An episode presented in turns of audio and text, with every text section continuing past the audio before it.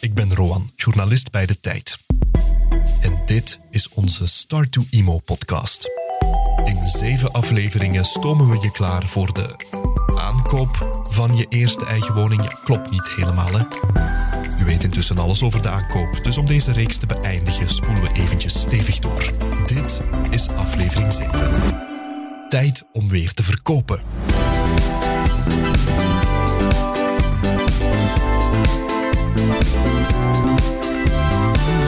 Wel speciaal om een huis zo achter te laten. Een beetje emotioneler als dat ik me initieel had voorgenomen. Het leven gaat voort, maar het is ook wel wat mispijt in het hart. Dat kost me iets meer moeite om er afscheid van te nemen. Ik denk dat ook alles afhangt van de juiste persoon op het juiste moment. Die ook zo verliefd wordt zoals wij verliefd werden op dit huis. Er wordt een spel gespeeld. Het is ook uiteraard de bedoeling dat als jij verkoopt, dat je meespeelt in dat spel. We hebben daar ook zelf van geprofiteerd. Want we hebben onze woning boven de vraagprijs kunnen verkopen. Het is een, een economisch principe van vraag en aanbod gewoon. Dat waren de meest stresserende weken van mijn leven. Uiteindelijk is het allemaal wel goed gekomen, gelukkig. Kijk, uiteindelijk komt alles goed. Maar wij zijn er zoals altijd om je het sowieso nog wat makkelijker te maken. Start to Imo, dat ging tot nu toe over kopen, bouwen of renoveren. Maar in deze laatste aflevering gaan we dus een stap verder. We gaan ons huis weer verkopen. En daar komt een pak meer bij kijken dan je denkt. Wat moet je weten voor een geslaagde verkoop? Nog een laatste keer om het af te leren. Dag Dirk Zelleslag. Dag Roan. Expert van onze netto-redactie. We maken een sprong van de eerste naar de laatste etappes van onze vastgoedinvestering. Ik ga mijn huis nu verkopen. We beginnen zoals altijd bij de basis. hè. Waarom zou ik dat doen, Dirk? Waarom zou ik mijn huis verkopen? Er kunnen tal van redenen zijn natuurlijk. hè. Om te beginnen een veranderde situatie in je privéleven. Een situatie met nieuwe behoeften.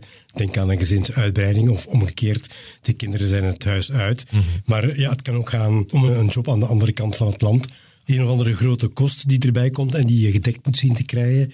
Of een uitgelezen kans. Hè. Je droomt al jaren van een art deco woning en dan komt er één te koop. En dan een beetje een incentive buiten categorie. Je wil eventueel ja, gewoon een meerwaarde binnenhalen op de woning die je een aantal jaren geleden gekocht hebt. Veel redenen dus. En ja, meerwaarde binnenhalen is daar misschien één van. Dan maken we de cirkel even rond, hè, Dirk. Over die meerwaarde zei Sonja in de eerste aflevering dat het moment waarop je verkoopt alles bepalend is voor de meerwaarde. Zeg nog eens, wat is dan het goede moment om te verkopen?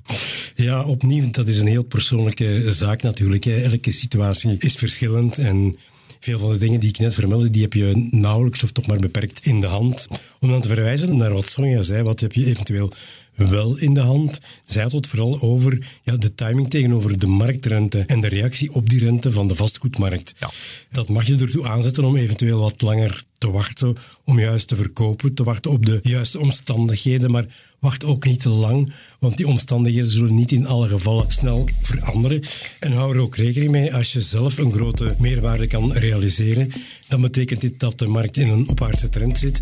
En dat eh, betekent bij gevolg ook dat je waarschijnlijk ook zelf meer zal betalen voor een nieuwe woning. Mijn woning verkopen, Dirk. Ik wil weten, hoe moet dat dan precies? Ik heb het met jou eerder al gehad over makelaars. Maar dan vanuit het perspectief van de koper. Nu switchen we naar het oogpunt van de verkoper. Ja. Werk ik voor de verkoop van mijn woning best met een makelaar? Het hoeft niet per se natuurlijk, hè, maar eh, ja, zelf marktexpert worden vraagt op zich ook heel veel tijd en moeite. Je moet de markt scannen, je moet advertenties erop gaan napluizen, moet bellen eventueel naar andere verkopers, je voordoen als koper soms om te weten te komen wat de vraagprijs is. Ja, je moet genoeg tijd hebben hè, en heel bereikbaar zijn ook. Je moet weten hoe je je woning aantrekkelijk maakt voor verkoop, verkoopdossiers opmaken en eh, ja, de juridische papierwinkel doen. En bovendien moet je ook nog een relatief goede onderhandelaar zijn over de prijs. Is niet iedereen gegeven, denk ik. Maar als je het zelf doet, ja, dan bespaar je ook op het makelaarsloon, de commissie. Maar is dat al die tijd, moeite en stress waard? Ik vraag het me soms af.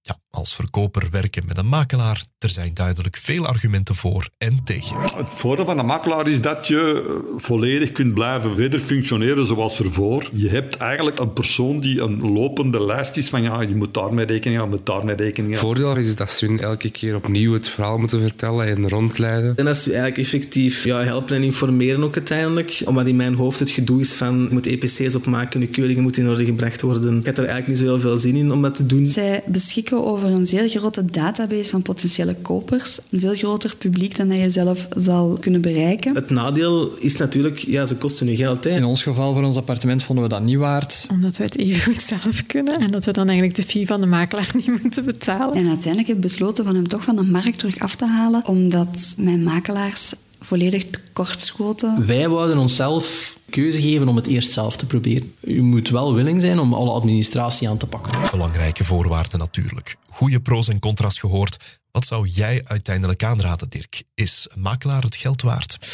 Persoonlijk vind ik het beter om een makelaar aan te spreken. Die doet dan al die dingen voor jou. Dat is het volledige pakket. Ja. Hij doet dat niet gratis. En het is dat natuurlijk wat sommige mensen tegenhoudt. Er is een makelaarsloon en dat schommelt tussen pakweg de 2 en de 3 procent van de verkoopprijs van je woning. Plus 21 procent BTW dan nog. Om een klein voorbeeld te geven, zo voor de vuist weg. Een woning van 300.000 euro, dat is dan zo'n 9.000 euro voor de makelaar uiteindelijk. Dat is niet niks, hè. Maar oké, stel dat ik toch met een makelaar wil werken. Als ik dan mijn makelaar gekozen heb, wat is dan de volgende stap? Ja, voor een samenwerking met een makelaar moet een verkoopopdracht worden afgesloten.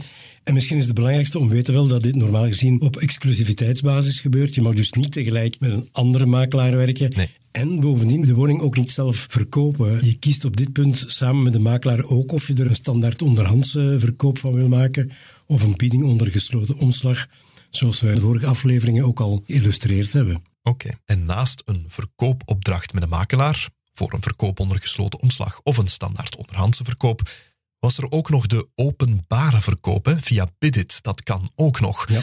Zeg eens, hoe organiseer ik dat, Dirk? En waarom zou dat interessant kunnen zijn voor mij als verkoper? Wel, het kan interessant zijn omdat het een iets snellere procedure is. Er is geen tussenstap via het compromis. Het zijn namelijk notarissen zelf die verkopen. Bij de verkoop op Bidit wordt meteen de akte verleden na een aanvaard bod. Het bespaart je tijd en misschien is een bijkomend voordeel dat de kandidaat-kopers, ja, je mag dat zo niet zeggen, maar elkaar toch een beetje opjagen en je misschien een nog hogere prijs uit de brand kan slepen. Maar eh, ook hier zijn natuurlijk vanuit de notaris wel kosten aan verbonden. Je moet toch rekenen op zo'n eh, 3500 tot eh, 4000 euro.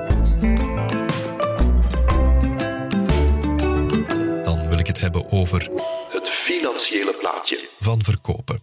Stel, ik verkoop mijn woning met het oog op een verhuis. Ik ga in een nieuw huis wonen. Wat doe ik dan eerst? Mijn oude huis verkopen of mijn nieuwe huis kopen? Als ik me niet vergis, Rowan, dan heb je het eh, met Peter al gehad over de overdracht van een hypotheek met een pandwissel. Dat is een systeem waarbij de hypotheeklening van de ene naar de andere woning wordt overgezet. Dat is een courante praktijk uiteindelijk, maar eerst kopen en dan verkopen. Het risico bestaat dat eh, een nieuwe woning betaald moet worden voordat de andere verkocht is. Nu, daar is een mouw aan te passen dankzij een overbruggingskrediet. Het kan wel best zijn dat je in die periode toch nog twee hypotheekleningen aan het terugbetalen bent. Die voor je oude woning en die voor je nieuwe woning. Maar hier is ook soms wel een mouw aan te passen, want die kan bijvoorbeeld met de bank overeenkomen dat hij in die periode voor de nieuwe lening alleen de rente betaalt en dat de kapitaalaflossing pas later gebeurt. Een overbruggingskrediet dus. Courante praktijk in zo'n scenario waarbij je eerst koopt en dan pas verkoopt. Ja, een overbruggingskrediet dient om die periode te overbruggen, letterlijk. In principe is een overbruggingskrediet een noodzakelijk kwaad. Dus ja, een overbruggingskrediet is zeer duur. Dat is bijna het dubbele van de rentevoet van een gewone hypothecaire lening. We zijn aan het proberen om overbrenggingskrediet uiteraard te vermijden. hè. Dat is een dure aangelegenheid. Dus wij proberen nu de truc toe te passen van de twee actes op dezelfde dag. Op die manier moet je geen overbrenggingskrediet betalen. Maar goed, overbruggingskrediet, dat is dus als ik mijn hypothecaire lening nog niet helemaal heb afbetaald. Hè? Maar als dat wel het geval is. Is de lening op de oude woning al afbetaald? Dat is een andere situatie. Ja, dan ben je er soms nog niet helemaal klaar mee natuurlijk. Een hypotheek op een woning wordt altijd voor 30 jaar gevestigd. je moet een onderscheid maken tussen de lening en de hypotheek die eraan vasthangt. Een hypotheek, ja, dat is een akte apart, zal ik maar zeggen. En die loopt altijd voor 30 jaar. Het kan dus zijn dat die periode nog niet voorbij is. En uh, dan zal er een handlichting moeten gebeuren, zoals dat heet, op de hypotheek. Dat wil zeggen, met andere woorden, dat die formeel geschrapt of doorgehaald moet worden. Ja. De prijs die je daarvoor betaalt is afhankelijk van het oorspronkelijke bedrag. Voor een hypotheeklening van pakweg 200.000 euro zal het richting 1000 euro gaan. En zeg Dirk, als mijn hypothecaire lening toch nog loopt, kan ik de verkoop van mijn oude woning en de aankoop van mijn nieuwe dan niet zodanig timen dat er geen overbrugging nodig is. Hè? Die uh, truc van de twee actes op dezelfde dag, waar die spreker van daarnet het over had. Ja, in het beste geval valt de, ondertekening van de aankoop en de verkoopakte op één en dezelfde dag. Je zal dan wel heel goed moeten plannen en over een goede timing beschikken, maar niks is uitgesloten natuurlijk. En in dat geval heb je natuurlijk geen overbruggingskrediet nodig. En dan was er nog het scenario waarin ik eerst mijn oude huis verkoop en dan pas mijn nieuwe koop. Ja, in dat geval hoef je geen zorgen te maken over het dubbel betalen van een hypotheek of het moeten aangaan van een overbruggingskrediet of wat dan ook. Maar het risico is dan natuurlijk wel dat je de woning moet verlaten voor je een andere in kan. Waar ga je naartoe?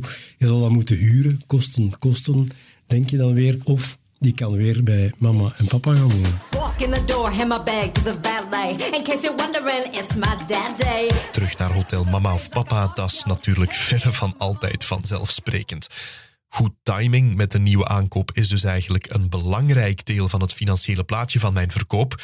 Nog een cruciaal facet is natuurlijk de prijs. Hoe bepaal ik die, Dirk? Wat is een goede verkoopprijs? Ja, je moet ervoor zorgen dat je niet te hoog inzet, want dan raakt je woning verbrand op de vastgoedmarkt. Dat wil zeggen, ja, als je verschillende keren die prijzen moet aanpassen naar beneden toe, dat potentiële kopers gaan denken van, fishy, hier is iets mis mee. En die gaan zich terugtrekken. Maar uh, ja, je wilt natuurlijk zoveel mogelijk, maar je moet altijd realistisch blijven uiteindelijk. En vooral ook zien wat de doorsnijprijzen voor gelijkaardige panden in je streek zijn.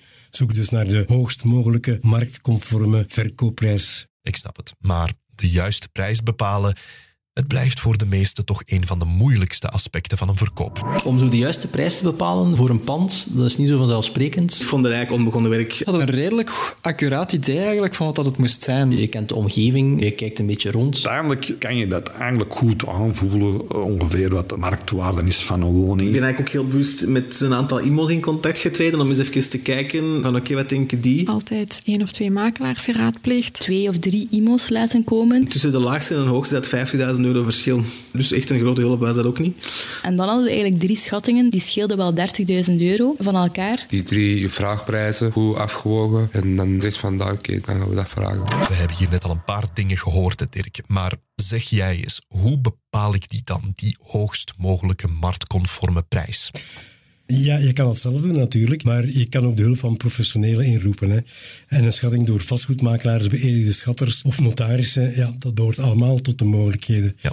De beste partij is degene die de meeste ervaring heeft met verkopen in jouw buurt. En het, op, het kan ook tegenvallen. Hè. Die schatters die gaan een realistische prijs op je woning plakken en ja, je vindt dat waarschijnlijk nooit hoog genoeg. Maar ja, uiteindelijk, het zijn professionelen en ik zou aanraden, volg toch maar het advies van die mensen. Het is geen bindend advies, maar het is een professioneel advies. Oké, en welke kosten komen er nog kijken bij een verkoop? Wel, we hebben het inderdaad al gehad over de makelaarskosten. Maar ja, er zijn ook kosten verbonden aan het opvragen van allerhande documentatie. Hè. Denk aan uh, wat we eerder ook al zeiden, alle uh, documentatie die onder de informatieplicht valt. Hè. Het kost ook geld om al die paparazzen op te vragen. En dan toch nog iets ter verduidelijking. De meerwaardebelasting die je eventueel realiseert op de verkoop van je woning, die is niet van toepassing als het om een woning gaat die je altijd als eerste en enige woning hebt gebruikt, de zogenaamde gezinswoning. Nooit meerwaardebelasting op je eigen woning dus. Goed, tijd om ons nu echt te gaan preppen voor de verkoop van ons huis. Je had het net over die paparazzen die je klaar moet hebben. Hè? We hebben het daar ook al even over gehad in aflevering 4. Zeg nog eens, wat moet ik allemaal op de stapel hebben liggen als verkoper? Ja, er is een informatieplicht. Voor de verkoopopstart moet je het EPC bij de hand hebben, stedenbouwkundige inlichtingen, eventueel informatie over de overstromingsgevoeligheid, onroerend goed. Gaat het om een monument waar je moet afblijven? Voor het compromis zal je de kadastrale stukken moeten kunnen bovenhalen, het asbestattest, het bodemattest. En dan voor de akte dan nog het uh, postinterventiedossier en het attest van elektrische keuring. Wat ook kan helpen bij de verkoop is natuurlijk het water- en energieverbruik van de laatste jaren. Een attest van de keuring van de stookolietank of de verwarmingsinstallatie. En uh, sommige kandidaatkopers zullen daar zeker om vragen en hebben het dan bij de hand. En ik heb het nu een beetje in schijfjes voorgesteld van dan dit, dan dat, dan dat. Maar eigenlijk, ja, doe je werk onmiddellijk. Verzamel alle informatie die je nodig hebt en zorg dat je ze op het geschikte moment tevoorschijn kan toveren. Beter alles ineens en van de eerste keer goed. Dat is dus de papierwinkel voor de verkoop. Dan kijken we even naar het huis zelf. Ja, dat voorbereidingswerk komt er wel aan te pas hoor. Eerst en vooral je appartement klaarmaken en dan foto's. Hè. Heel belangrijk. En dan is het een kwestie van de bezoekdagen te organiseren. Wij bereiden eigenlijk ons huis voor op een verkoop door eigenlijk ervoor te zorgen dat een toekomstige koper zich kan zien wonen in je woning. Dus we proberen de mensen ook wel zoveel mogelijk in de dag te laten komen wanneer er voldoende licht was en dat ze konden appreciëren hoe dat het eruit zag op zijn beste momenten. Eén, nooit aanwezig zijn. Twee, geen persoonlijke foto's. Alles wat persoonlijk is, doe je weg. En drie, hoe properder het huis, hoe beter en makkelijker het verkocht wordt. Ja, opnieuw, dat waren al heel wat tips. Hè? Maar zeg jij nu eens, Dirk, hoe bereid ik het huis zelf eigenlijk best voor? Wel, het spreekt voor zich. Je moet een zo goed mogelijke indruk kunnen nalaten bij elke bezoeker die over je drempel komt afgewerkt, netjes en proper. Dat zijn de ordewoorden. De eerste indruk is alles. Hè. Een ingerichte kamer spreekt meer tot de verbeelding dan een lege. De garage die zou ik opruimen, maak de bedden op. Denk ook aan een nieuw likje verf hier en daar. Kan wonder doen, hoeft niet veel te kosten. Plinten en armaturen ook opfrissen eventueel. De tuin in orde brengen. Doe het toch maar. Maai het gras. En uh, ja, geef er niet te veel geld aan uit, zou ik zeggen, om het extra verkoopbaar te maken. Maar een paar honderd euro kan toch wel het verschil maken en ja, uiteindelijk de investering meer dan waard zijn. Zeggen, als ik zelf mijn huis verkoop zonder makelaar, Mhm. dan moet ik ook zorgen voor advertenties, zeker hè? Ja, we leven in een online wereld, eh, dus bekijk het direct digitaal. En foto's zijn hier het belangrijkste. Je kan die zelf maken, maar het kan toch misschien beter gaan voor iemand die er een professionele aanpak kan aan geven. Geef meteen ook al eh, basisinformatie mee in eh, de advertentie over prijs en adres.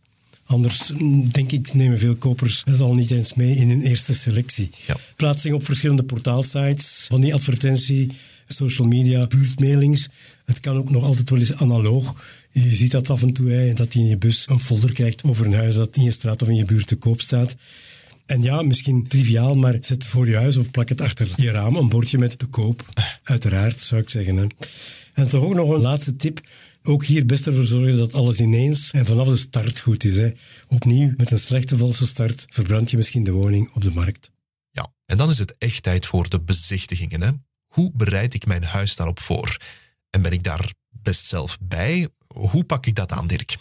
Ik zou zeggen, als een makelaar ingeschakeld wordt, hou dan misschien enige afstand, want anders ga je in elkaars wielen rijden. Maar eh, als je het zelf verkoopt, moet je een beetje zelfkennis hebben. Kan je cool genoeg blijven gedragen. Je moet ook goed luisteren naar vragen, want die kunnen een indicatie zijn. En dus uiteindelijk waardevolle informatie. Is het niet voor deze keer, dan misschien wel voor de volgende keer, want die vragen komen terug. Uiteindelijk komt het erop neer, informeer jezelf extra goed en word meer dan ooit kenner van niet alleen je eigen buurt, je eigen huis. Een kandidaat die is afgeschrikt bijvoorbeeld door koterij achter in de tuin, die kan gerustgesteld worden. Als jij alles kan uitleggen over de mogelijkheden omtrent stedenbouwkundige vergunningen, dat scheelt. Iets wat je zeker nog moet doen voor er een kandidaat koper komt, ruim nog een keer goed op, verlucht, steek overal de lichten aan, zorg dat de verwarming aan is in de winter, pak koekjes of brood, want als het ergens lekker ruikt, dan willen erin bijten uiteindelijk. Ja, dat is de klassieker. Hè? We zijn langs gegaan bij Mara. Dat is die met de negen succesvolle vastgoedtransacties de voorbije 15 jaar. Zij maakt op dit moment haar huis opnieuw klaar om te verkopen en ze leidt ons rond. We staan nu in de living. We hebben altijd wel wat kranten en wat tijdschriften op onze tafels liggen. Dus die zetten we dan in de kast. We zetten nog een kaarsje neer. Ik ga wel wat voor nieuwe planten zorgen dat het wel gezellig lijkt. En er gewoon voor zorgen dat het mooi opgeruimd is. We gaan ook altijd proberen om bezoeken overdag in te plannen. Dat je ook ziet van hoeveel licht dat er in de woning binnenkomt. Dus dat is ook wel altijd een goede tip voor verkopers die het zelf doen. De woning is nooit zo goed in orde als op het moment van de verkoop. Dus we hebben de voorbije weken nog lampen opgehangen. We hebben hier de kapstok in de gang nog opgehangen. Dat toch alles wel mooi in orde is. Dus we staan nu in mijn home office, maar we wilden toch wel voor potentiële kopers ervoor zorgen dat ze echt wel kunnen zien dat er een kinderkamer van gemaakt kan worden. We staan nu in onze keukenrekje, eh, waar dat eigenlijk al mijn kookboeken staan. Daar gaan we eigenlijk ook een selectie van maken, zodat eigenlijk zoals mooi in de boekjes met een plantje bij. Dat mensen ook wel een heel mooi beeld hebben van hoe dat de keuken er zou kunnen uitzien. Nu staan we in onze slaapkamer. Misschien een onnozele tip, maar zorg ervoor dat je bed dichtgedekt is. Gordijnen open, dat er geen vuile kleren rondslingeren. We hebben inderdaad een trouwfoto in onze slaapkamer staan. Daar zijn we nog niet helemaal uit. We gaan die wel sowieso weghalen voor de foto's die we trekken voor het zoekersje online. Maar het zou wel kunnen dat we die gewoon laten staan voor de bezoeken. Ja, je hoort het van een echte ervaringsdeskundige hier. Op ieder detail wordt gelet, dat is duidelijk. En als de mensen eenmaal komen kijken, goed luisteren dus naar hun vragen. Zorgen dat je alle antwoorden klaar hebt. En Dirk, ik neem aan ook de hele tijd klaarstaan tijdens de bezichtiging. Ja, kandidaten willen ook kunnen overleggen en vinden soms dat verkopers net iets te veel op hun lip zitten. Hè. Laat de kandidaat kopers even alleen, geef voldoende tijd en uh, uiteindelijk schept dat vertrouwen. En vraag op het einde ook wat de bezoekers ervan vonden, hè, om eventueel te weerleggen, maar ook om bij te leren. Hè. En uh, nadien bel kort toch nog eens even op om te polsen naar de interesse, of die er nog is. En opnieuw, ja, hier kan je ook weer bijleren. Vraag naar waarom niet, als uh, het een negatief antwoord is. Stel, het is allemaal goed gelukt met de voorbereidingen en de bezichtigingen. En het volgende komt nu mijn richting uit, Dirk. Een bod. Hoe ga ik daar als verkoper best mee om? Aanvaard vooral niet het eerste bod. Ik denk dat die neiging groot is van, ja, het is verkocht en ja, het is voor zoveel oké, okay, we doen het. Maar je kan beter nog even afwachten tot je alle afgesproken kandidaten gezien hebt. Hè. Nou, misschien zit daar toch nog wel een hoger bod tussen ook. Ja. En eens je het bod hebt aanvaard, ja, dan moet je eigenlijk een hoger bod weigeren. Want ja, een bod aanvaarden heeft een bindend effect uiteindelijk. Je moet wel letten op de geldigheidsduur van het bod. Dat is er altijd aan verbonden. Wordt die tijd niet gerespecteerd, ja, dan kan je natuurlijk opnieuw beginnen. Hè. En denk ook na over hoe snel en hoe hoog je tegenbiedt. Want zodra je dat doet, ja, dan is het initiële bod weer ongeldig. En als de kandidaat-koper met het lagere bod dan zegt nee, ja, ook dan kan je weer helemaal opnieuw beginnen. Niet zomaar het eerste bod aanvaarden, het allemaal wat tijd geven, maar wel letten op de geldigheidsduur en goed nadenken over een tegenbod. Wat zijn zo nog valkuilen in dit stadium, Dirk? Behoed jezelf vooral in de onderhandelingsperiode voor een dubbele verkoop door cool te blijven. Hè. Aanvaard enkel concrete en expliciet gecommuniceerde biedingen. Mhm. En wat ook misschien wel belangrijk is in verband met een openbare verkoop, is dat als je het bod te laag vindt, je ook niet hoeft te verkopen. De koperskant die is hier wel gebonden, maar de verkoperskant niet. En uiteindelijk is dat ja, handig. Alright, stel, bam, ik heb een bod aanvaard. Wat is nu de eerstvolgende stap als verkoper? De eerste stap is dat je een compromis zal moeten opstellen en dat je ook een voorschot zal moeten bepalen. Je hoeft geen voorschot te vragen, maar ik raad toch aan van dat wel te doen, want het schept onmiddellijk een financiële band. Ja, over de details van dat voorschot hebben we het gehad in aflevering 5. Hoe hard wordt dit spel nu gespeeld, Dirk? Is dat leuk een huis verkopen of toch vooral heel stressvol?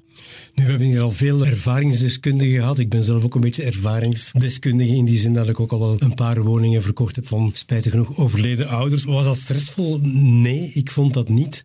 Maar wij hebben altijd gewerkt met een makelaar. En ja, het is toch wel makkelijk. Ja. Een eigen huis verkopen is natuurlijk altijd een beetje geschiedenis verkopen. Hè. Je hebt dingen beleefd in dat huis. Er zijn misschien kinderen in geboren, in groot geworden. Ik denk dat je altijd wil dat er mensen komen inwonen ook, die het waard zijn, weet je wel. En geld is natuurlijk top of mind. Maar ik denk dat die emotionele kant op een of andere manier ook wel zal meespelen in je uiteindelijke beslissing van we doen het, we verkopen het aan die en die. Oké, voor de laatste keer, dankjewel, Dirk Zelleslag. Dat is heel graag gedaan, Roel. Het is bijna gedaan hier, hè? Goh, het wordt toch een emotioneel momentje straks. Maar goed, eerst nog even herhalen wat we in deze aflevering gehoord hebben. Je huis verkopen, wat moet je onthouden? Verkopen doe je meestal gewoon omdat je leven verandert en dan heb je over de timing niks te zeggen. Maar je kan ook op het juiste moment proberen verkopen. Kijk dan vooral naar de marktrente. Maar stel je verkoop ook niet te lang uit. Verkopen met makelaar, dan ben je zonder zorgen. Maar daar betaal je natuurlijk ook voor. Wil je dat vermijden, dan zal je er heel wat tijd en moeite in moeten stoppen. Meestal koop je je nieuwe huis voordat je je oude verkoopt en neem je een overbruggingskrediet. Tenzij je lening al is afbetaald, je de ondertekening van beide actes perfect kan timen of weer even gaat huren of bij de mama gaat wonen. De verkoopprijs laat je best over aan een schatter. Onthoud dat je geen meerwaardebelasting betaalt voor je eigen woning. Voordat je je huis op de markt zet, zorg dat je eerst helemaal in orde bent met alle papieren en fris alles nog eens een keertje grondig op, van binnen en van buiten. Aanvaard niet meteen het eerste bod. Neem je tijd, wees zorgvuldig en vraag in geval van een deal best een voorschot. Ziezo, nu zijn we er echt. De laatste seconde van Start to Imo. Het was een super toffe en leerrijke rit die we samen hebben gereden, al zeg ik het zelf. Fantastisch dat je er helemaal tot het einde bij bent gebleven. Bedankt. En proficiat ook, hè. Je weet nu helemaal hoe je je eerste eigen woning moet kopen, maar ook renoveren, bouwen en zelfs weer verkopen. Dit is het einde van deze podcast. Hopelijk het begin van jouw briljante vastgoedparcours. Heel veel succes. En tot horen.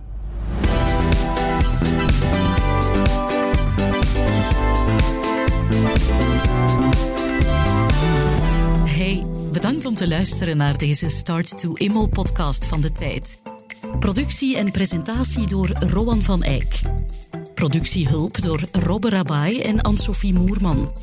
Muziek en sounddesign door Stef Leenaert. Mastering door Rudy Wijnands. Met extra veel dank aan alle sprekers die hebben meegewerkt aan deze podcast. En natuurlijk ook aan de hele netto-redactie van de tijd. Zin om meer te lezen over vastgoed, om de onderwerpen uit deze podcast verder uit te diepen, of zelfs je volgende stappen al te zetten als vastgoedinvesteerder? Eén adres: tijd.be/slash netto. Vond je Start to Immel de moeite?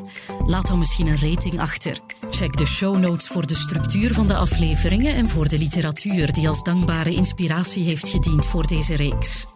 En probeer ook eens onze andere podcasts, zoals Start to Invest met mij, Ellen Vermorgen.